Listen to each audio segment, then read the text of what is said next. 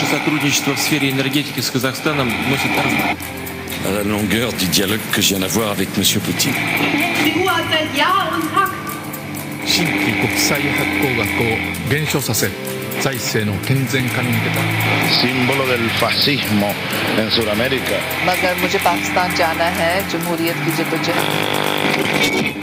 en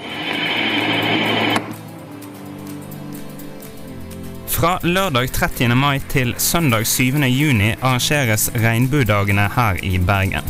Festivalen er Norges største lokale pridefestival, og dens viktigste jobb er ifølge arrangørene selv å bryte ned formater, fordommer og stigmatisering, og skape aksept og toleranse i samfunnet. Men hvordan er det egentlig å være homofil, bifil eller transseksuell i verden i dag? Forrige fredag stemte 62,1% av 3,2 millioner irer for likekjønnet ekteskap. Irland er det 14. landet i Europa og det 19. landet i verden som legaliserer ekteskap mellom to personer av samme kjønn. I store deler av verden står det derimot dårlig til med homofiles rettigheter.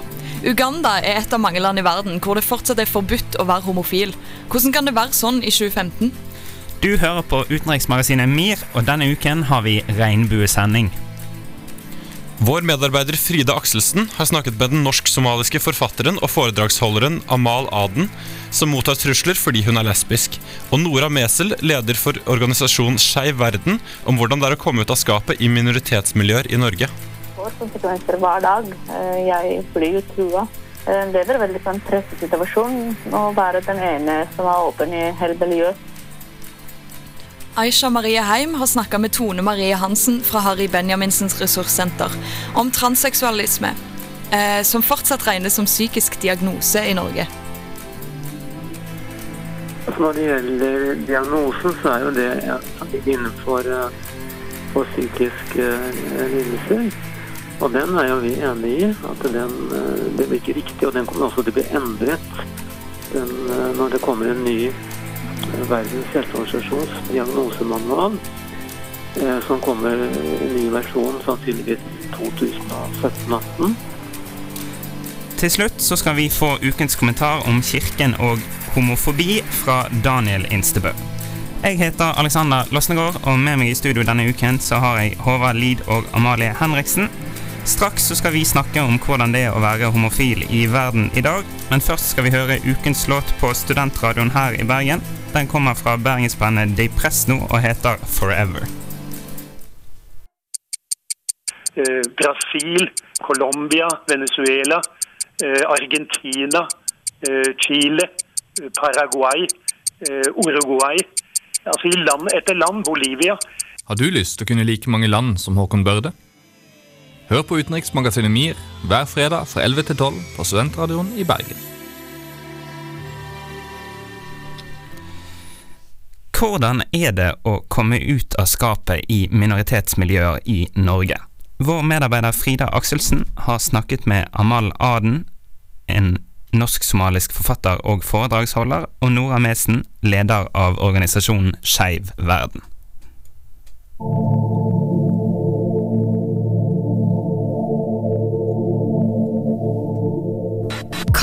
For homofiles rettigheter i Norge har kommet langt de siste årene. Men det er enda en stor jobb å gjøre. Homofile med minoritetsbakgrunn er en gruppe som enda kan oppleve store problemer med å komme ut av skapet. Det har blitt skrevet mye i media de siste årene om homofile med minoritetsbakgrunn som har opplevd stor motgang ved å komme ut av skapet. I homoparaden i 2012 eh, ble f.eks. en person slått ned, trolig fordi personen gikk i tog og brukte hijab. Amal Aden er lesbisk og har somalsk bakgrunn. Hun har skrevet mye om det å være en minoritet i Norge. Hun forteller at det kan være svært hardt å komme ut i et innvandringsmiljø i Norge. Hvis man kommer ut i veldig religiøse kristne miljøer, så kan det være vanskelig. Men eh, det er eh, i Norge f.eks. hvis du kommer inn i innvandrermiljøet, muslimske miljøer, det, det, er mye verre enn kristne miljøer, mener jeg sjøl, som har muslimsk bakgrunn. og eh, somaliske miljøer, afghanske Det er mange miljøer som er, vil ikke akseptere det at noen fra samme land skal eh, stå fram og si at jeg er homofil eller lesbisk eller trans eller bifil. Så det er veldig mange miljøer det er uakseptabelt. Og innvandrermiljøet Det er jo er ikke en homogen gruppe, men veldig mange av dem er veldig opptatt av ære og rykter. Og familiens ære og sånne typer miljø har vanskeligheter å akseptere det mennesker med en annen legning. Jeg har også tatt meg en prat med Nora Mesen, leder av Skeiv verden. Det er en organisasjon for homofile, lesbiske og transpersoner med minoritetsbakgrunn. Nora mener at det kan være vanskelig å komme ut av skapet i minoritetsmiljøer, men også i veldig mange andre miljøer i Norge. Eh, Det finnes svært lite forskning om den målgruppen som Skeiv representerer, skeive med minoritetsbakgrunn. Så det er veldig vanskelig å si noe generelt om hvordan denne gruppen opplever å komme ut, også fordi det ikke er en homogen gruppe. Eh, Og selv om det er et faktum at flere skeive med etnisk minoritetsbakgrunn opplever store utfordringer, så er ikke dette den eneste realiteten som finnes. Eh, Mange skeive med innvandrerbakgrunn, som meg selv f.eks., har ikke opplevd det som spesielt problematisk å være skeiv. Eh, Så det er en enorm kompleksitet i erfaringene til skeive innvandrere, og det er en enorm kompleksitet blant ulike innvandrermiljøer. Det er viktig å belyse dette mangfoldet. Organisasjonen SEIF, som står for Selvhjelp for innvandrere og flyktninger, lanserte en rapport i 2009 ved navn Likeverd 2009.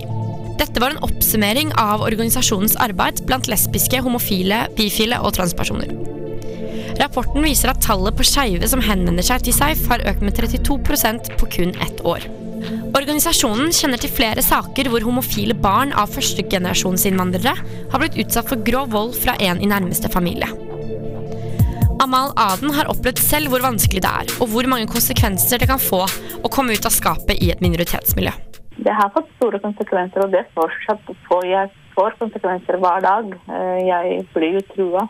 Eh, Det er en veldig sånn presset situasjon. Å være den ene som er åpen i hele miljøet, gjør at eh, det er veldig vanskelig å bevege seg fritt. Og det er veldig vanskelig å være seg selv. Du blir sånn at folk forfølger deg uansett hvor du går. Folk truer deg, sjikanerer deg, spytter deg. Det er, hverdagen er ubehagelig, for å si det mildt. Så det, det er ikke noe greit å komme ut i en miljø. Hvert fall som med bakgrunn. Ny forskning fra Stonewall og Runnymede i Storbritannia viser at mange lesbiske og homofile med minoritetsbakgrunn møter på en såkalt dobbelt diskriminering fra det offentlige. Forståelsen for at noen kan være både svart og homofil er lav, og oppfatningen om at man enten tilhører en minoritet eller en annen er utbredt. Mesen i Skeiv verden mener at dobbel diskriminering blant homofile med minoritetsbakgrunn er svært vanlig, også innenfor det homofile miljøet. Ja, uten tvil. Eh, og dette kom også frem i levekårsundersøkelsen eh, Åpne rom, lukkede rom, som omhandler skeive i minoritetsmiljøer. Eh, mange opplever å bli diskriminert som innvandrer, både i det skeive miljøet og i majoritetsmiljøet. Samtidig som mange skeive opplever å bli diskriminert pga. sin seksuelle orientering, både i innvandrermiljøer og i majoritetsmiljøet. Og flere i vår medlemsmasse forteller om at de har opplevd rasisme på skeive utesteder og på skeive nettdatingsider. Så utfordringen er absolutt til stede også i vår egen skeive bakgård. Aden på den andre siden sier at hun kun har opplevd diskriminering fra ett miljø, og det er sitt eget somalske miljø i Norge.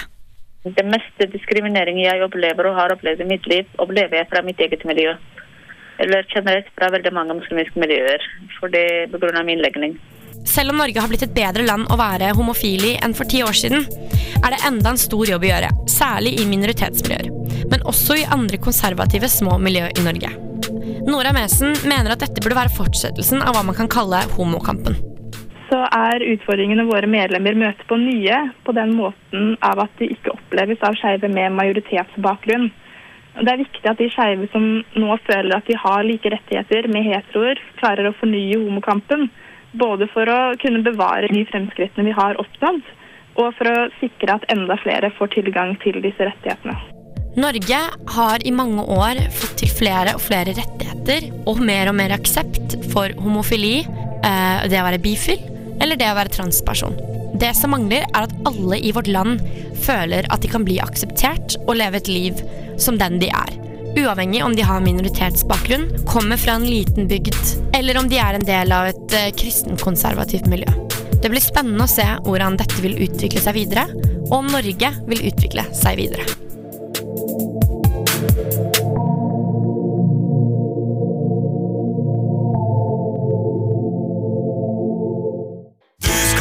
Sukkerdøy, og du skal få lade. Kate Upton har tidligere vært modell for Victoria's Secret, men nå vil trolig karrieren virkelig skyte fart med denne første siden.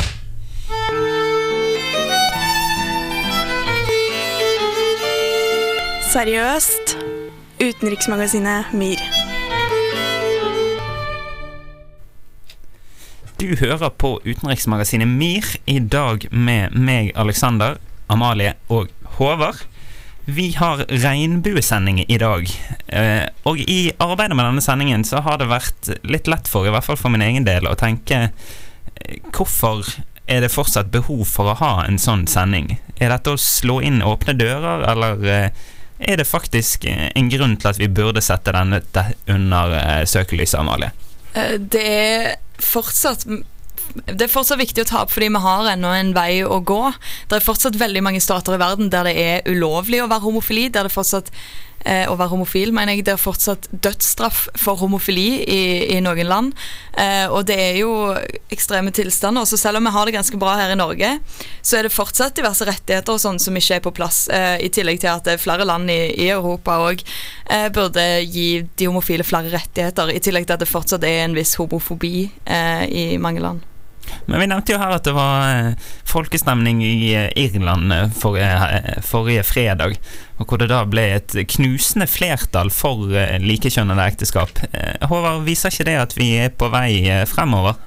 Eh, jo, spesielt med Irland, som er et så konservativt og katolsk land. Eh, man har jo tidligere hørt at de er ganske skeptiske til f.eks. abort. Eh, og når et sånt land gir et så klart signal om at de er for ekteskap for også folk med samme kjønn, så viser det at Europa har kommet et godt stykke på veien. Men hva, hva, er det med akkurat dette med homofili og transseksuelle og bifile som gjør at vi blir så Eller at mange blir så støtt og blir så provosert?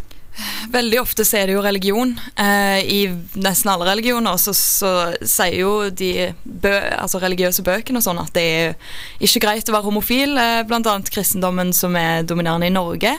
Eh, og Derfor er det veldig mange som mener at det er feil på grunnlag av sin religion. I tillegg til at det er jo naturlig eh, at en mann og en kvinne er sammen fordi med tanke på reproduksjon og sånn. Men så er det et faktum at folk er homofile, og da er de akkurat like som alle andre, bare det at de har en annen legning.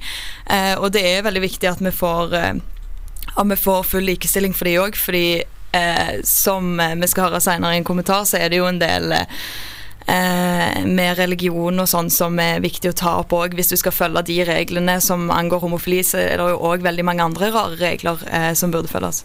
Ja, eh, Det som er forskjell fra en del land til land, er jo også hvordan man ser på eh, I, i Vest-Europa og Norge så er det jo ofte vanlig å tenke på det som at du er født som eh, homofil, og det er på en måte naturlig for en del av befolkningen. Mens andre steder så ser man på det som en sykdom. Man har jo hørt om pastorer i USA som skal helbrede, helbrede sykdommen homofili, og så prøve å gjøre folk heterofile som da de ser på som det normale. Ja, I tillegg transpersoner er jo i, Til og med i Norge i dag så det, sier de at vi har en sinnssykt lang vei å gå. Amnesty har kritisert Norge veldig sterkt på, på grunnlag av vårt, eh, hvordan vi håndterer da transseksuelle. fordi her må du bli eh, altså Her må du få stilt en diagnose for å få lov å bytte kjønn. Eh, de ser på det som en psykisk lidelse.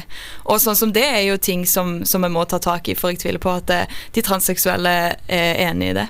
Men Håvard, du nevner jo USA, og det, USA er vel et godt problem godt bevis på at dette ikke er et eh, problem som bare favner utviklingsland og Østen, sånn som det gjerne kan være lett for oss å tenke, og at Europa og Vesten sitter i førersetet.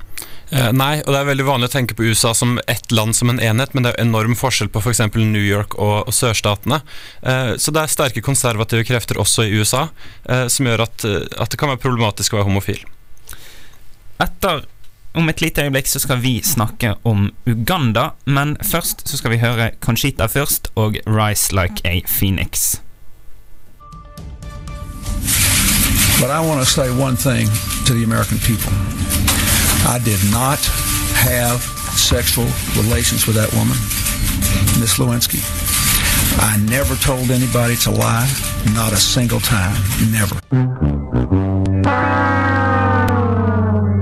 Sannheten kommer alltid for en dag i utenriksmagasinet MIR. Du hører på utenriksmagasinet MIR her på Studentradioen i Bergen. Nå skal vi snakke litt om den anti-homo-lovgivningen i Uganda.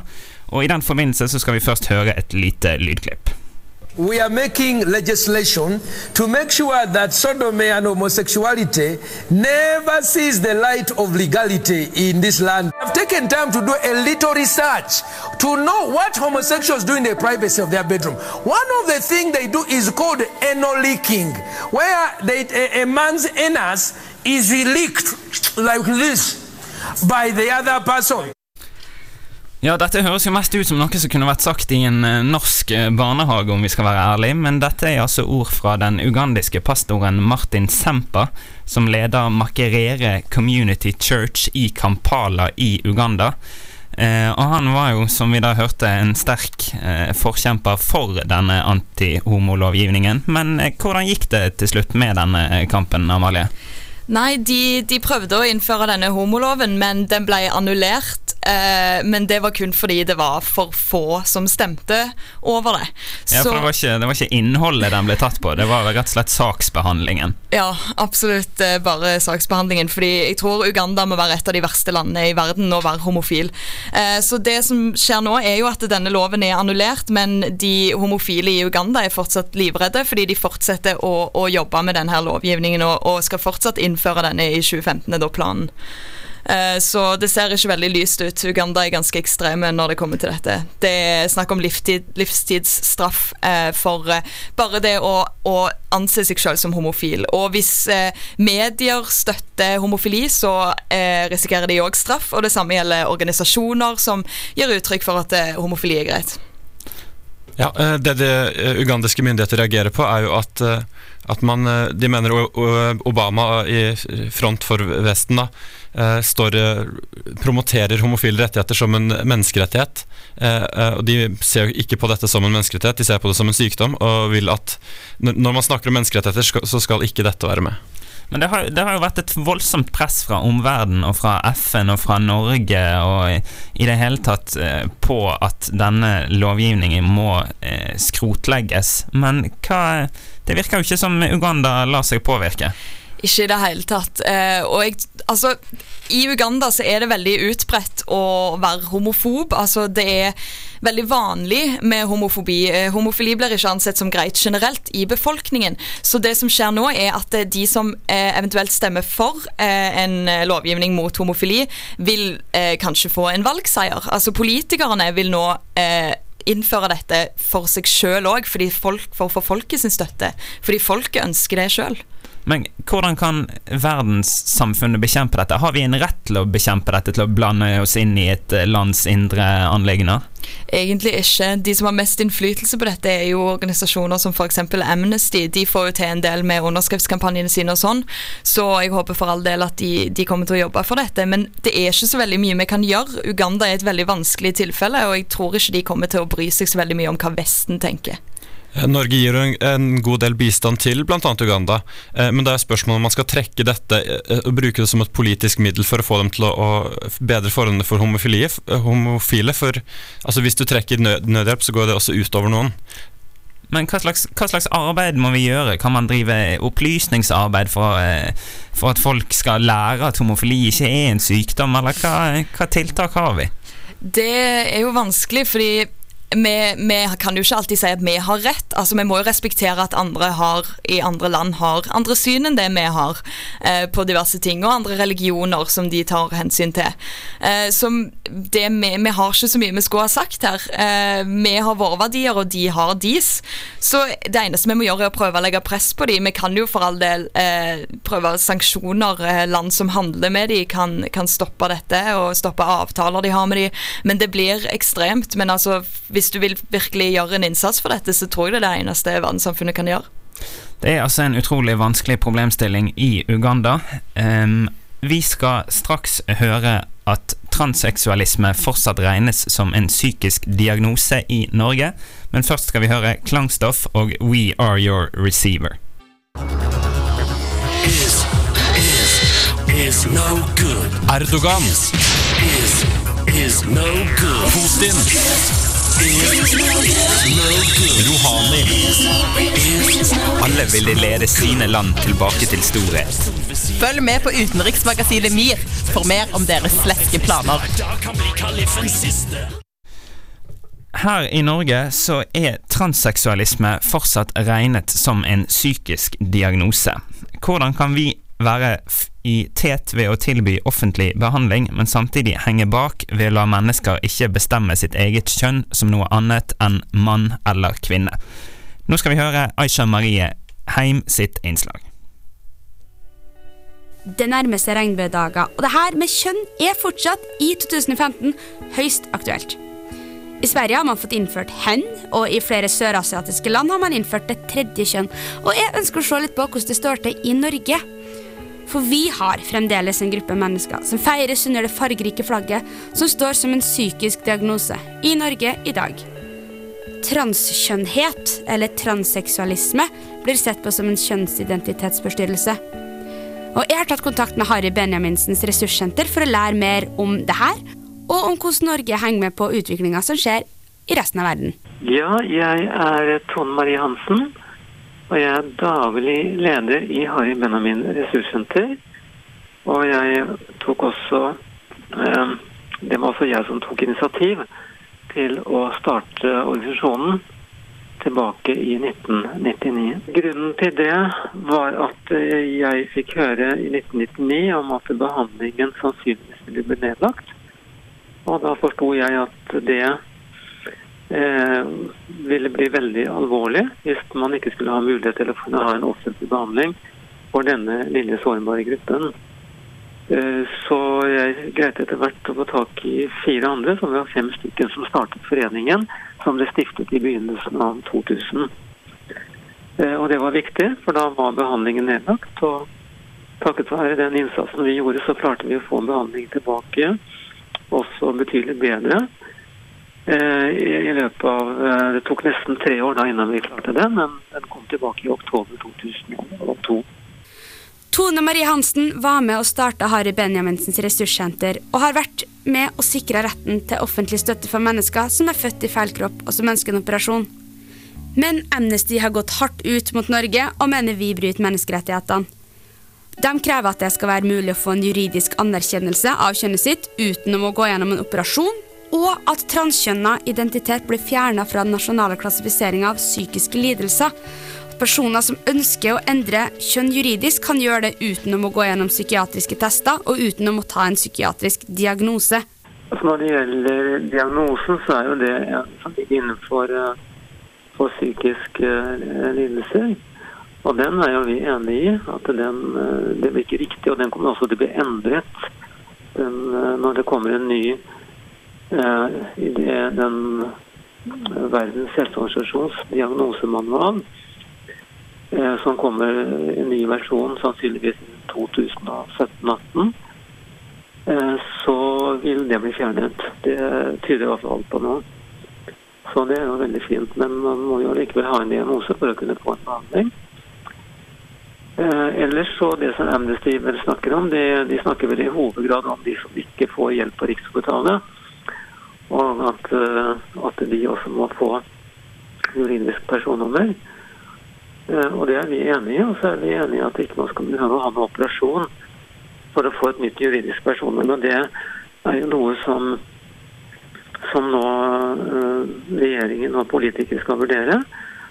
Og som mest sannsynligvis kommer til å gå igjennom at man skal kunne få et nytt personnummer uten at man skal behøve å å, og ha noen operasjoner. I Norge har man offentlig hjelp dersom man oppfyller krav til å være under diagnosen transseksualisme. Men man er fortsatt veldig bundet til kjønn. For man må være mann eller kvinne, og det her er i kontrast til hva man ser f.eks. i Nepal, Pakistan, India og Australia, hvor man i offentlige dokumenter kan være et annet kjønn, eller det tredje kjønn, eller bare annet. Jeg ser jo det at en del eh, framstiller at det er så fint i, i, så mange andre land. Og noen av de landene som blir ofte tatt fram, det er jo Nepal, og det er India, eh, Thailand. Eh, og det er jo land som vi sånn eh, rent når vi tenker på demokrati og sånn, ikke akkurat eh, vil si er de som ligger lengst fremme i verden. Og de ligger heller ikke lengst framme når det gjelder i hvert fall eh, den pasientgruppen vi jobber for. Men eh, det er kanskje kommet litt lenger i forhold til det at man kan, hvis man skulle ønske å være noe slags tredje kjønn, så har man en mulighet til det i, i noen av disse landene.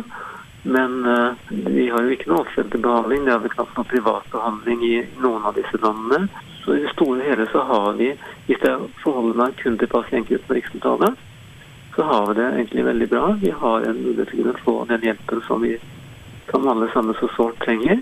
Og man har lovmessige rettigheter som gjør at man kan leve et godt liv i Norge. Og eh, i motsetning til noen av de landene jeg nettopp har nevnt, så bør man ikke være noe sekundært menneske.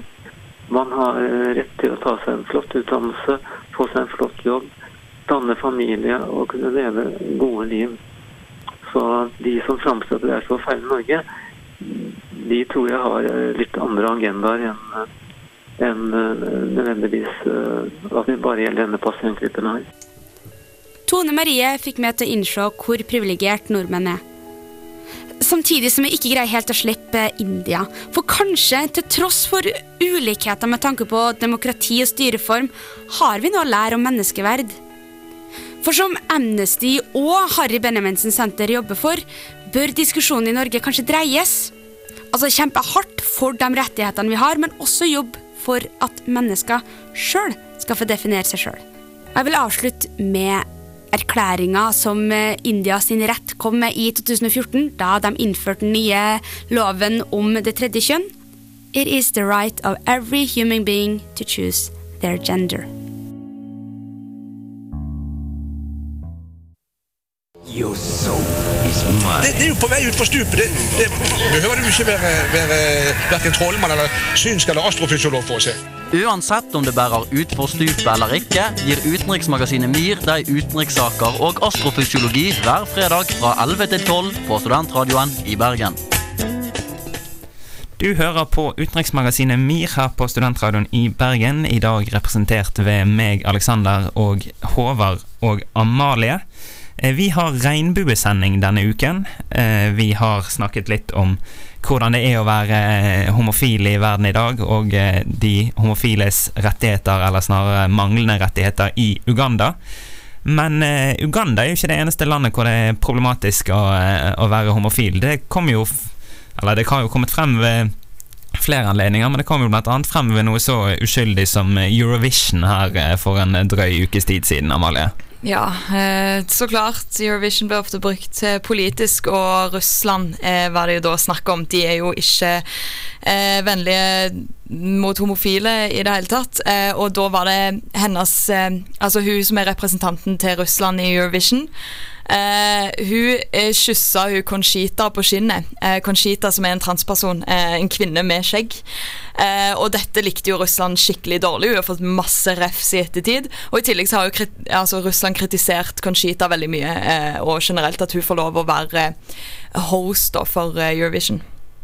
Men hva, hva Hva kan vi si om sånt? Altså, det er jo eh Altså, Russland er et veldig spesielt land. Altså, nå har de innført i januar i år så, så, innførte de en lov som sa at transseksuelle og transvestitter og folk med seksuelle fetisjer de får ikke lov å ta sertifikatet. Eh, de får ikke lov å kjøre bil fordi de er ikke trygge i trafikken. Eh, de er en farlig fare for trafikken. Så altså, det, her er det jo ekstreme holdninger, og det er jo veldig utbredt i hele landet. Eh, man gir ofte Putin og myndighetene skylden for denne politikken, men det er jo ikke sånn at Putin er noe eh, enormt homofob, eller eh, at det er en kampsak for han, men han spiller jo på ting som allerede ligger i befolkningen. Det er veldig klare kjønnsroller i Russland. Menn skal være maskuline og heterofile, og hvis man bryter med det, så, så tror jeg det er, tøft, altså det er tøft å være homofil i Russland. Men i et av innslagene våre så hørte vi om dette med transseksualisme og eh, gjerne et tredje kjønn eller et annet kjønn i f.eks. i pass og offentlige dokumenter enn eh, kvinne eller mann. Og der er det kanskje litt uortodokse land som, eh, som står i fronten for eh, dette, Amalie? Ja, eh, i India så mente de at det var en, en rettighet å velge sitt eget kjønn. Eh, og, og, ja, altså du kan bestemme sjøl hva kjønn du er, og skal ha den friheten. Men allikevel så er det ikke lov å være homofil. så det er ganske ironisk. Eh, men ja, det var hva India og Pakistan, ja. Ja, De, de var åpne for, for transseksuelle. Eh, Så, så kommer det mange vestlige land som har en helt annen holdning til det. Det er veldig spesielt. Det er liksom ikke det du ville tro, da. At det var i konservative land som India og Pakistan som, som sier at dette er greit. Men spiller det noen rolle, Håvard, om du er mann eller kvinne eller han eller hun eller hen eller hva det måtte være? Eh, nei, spørsmålet er om man skulle, kan bestemme kjønn selv ut ifra hva man føler seg som. For menn som føler seg som kvinner, kan jo ikke på en måte melde overgang til å bli kvinne. Eh, så, det er et spørsmål om, om det her skal være noe, hva man identifiser, identifiserer seg som, eller eh, altså hvordan man er skapt fysisk. Ja, til og med i Norge så, så må du jo tvangssteriliseres hvis du vil endre kjønn. Eh, I tillegg til at du må da ha en, en psykisk diagnose for å få lov å gjøre det, der det sier at du er eh, kjønnsforvirra. Eh, og liksom, Det sier veldig mye om, om hvor lang vei vi har å gå når det gjelder transpersoner. Eh, at de fortsatt har det veldig vanskelig. Eh, det var en, eh, altså EUs kontor for fundamentale rettigheter gjorde en undersøkelse for å se hvor, eh, hvor eh, diskriminert eh, transpersoner føler seg i Europa. Og da sa over halvparten, altså 54% at de hadde opplevd diskriminering pga. det, eller trakassering, det siste året. En som jo òg ikke akkurat er kjent for å være en forkjemper for de homofiles rettigheter, er jo Kirken. Den skal vi høre mer om etter at vi har hørt The Parrots og I'm Not Alone. Nå skal vi høre ukens kommentar fra Daniel Instebø. Jeg digger, digger, digger, digger deg. Digger deg, digger, digger deg. Du er så søt og snill og grei. Jeg digger, digger, digger, digger deg. 22. mai avholdt Irland folkeavstemning om hvorvidt landet skulle tillate likekjønnet ekteskap.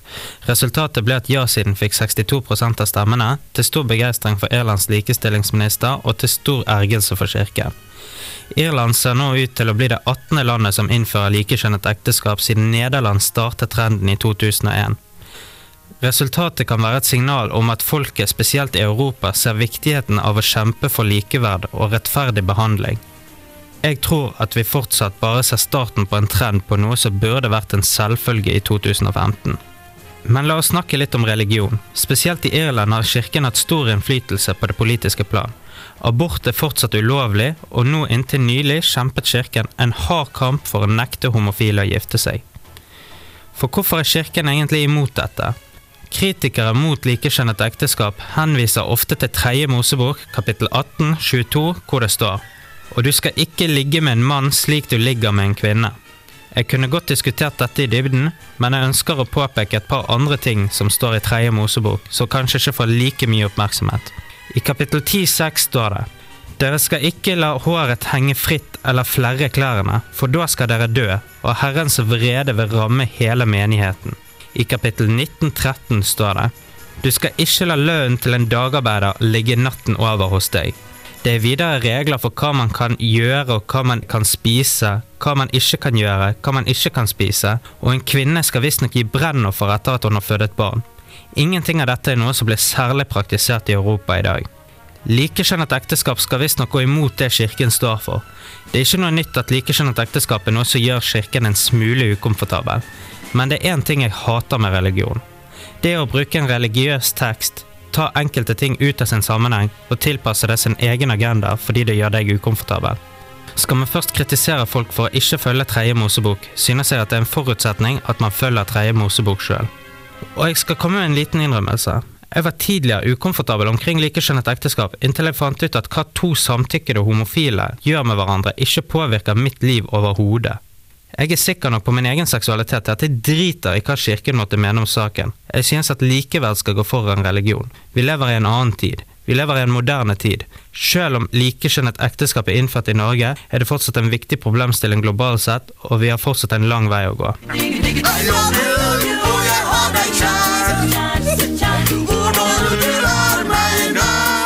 En annen forkjemper for likekjønnet ekteskap er tidligere wrestler Stone Cold Steve Austin. Dette er det han har sagt tidligere. I'm for same sex marriage. I don't give a shit. I believe that any human being in America or any human being in the goddamn world that wants to be married, if it's the same sex, more power to them. I don't think that there is a God that says you cannot do this, you cannot. Okay, two cats can't get married if they want to get married, but then a guy can go murder 14 people, molest five kids, then go to fucking prison and accept God and he's going to let them into heaven after the fact that he did all that shit. See, that's all horseshit to me. That don't jive with me. That don't jive with me. Og da er mitt spørsmål til deg. Does that jive with you?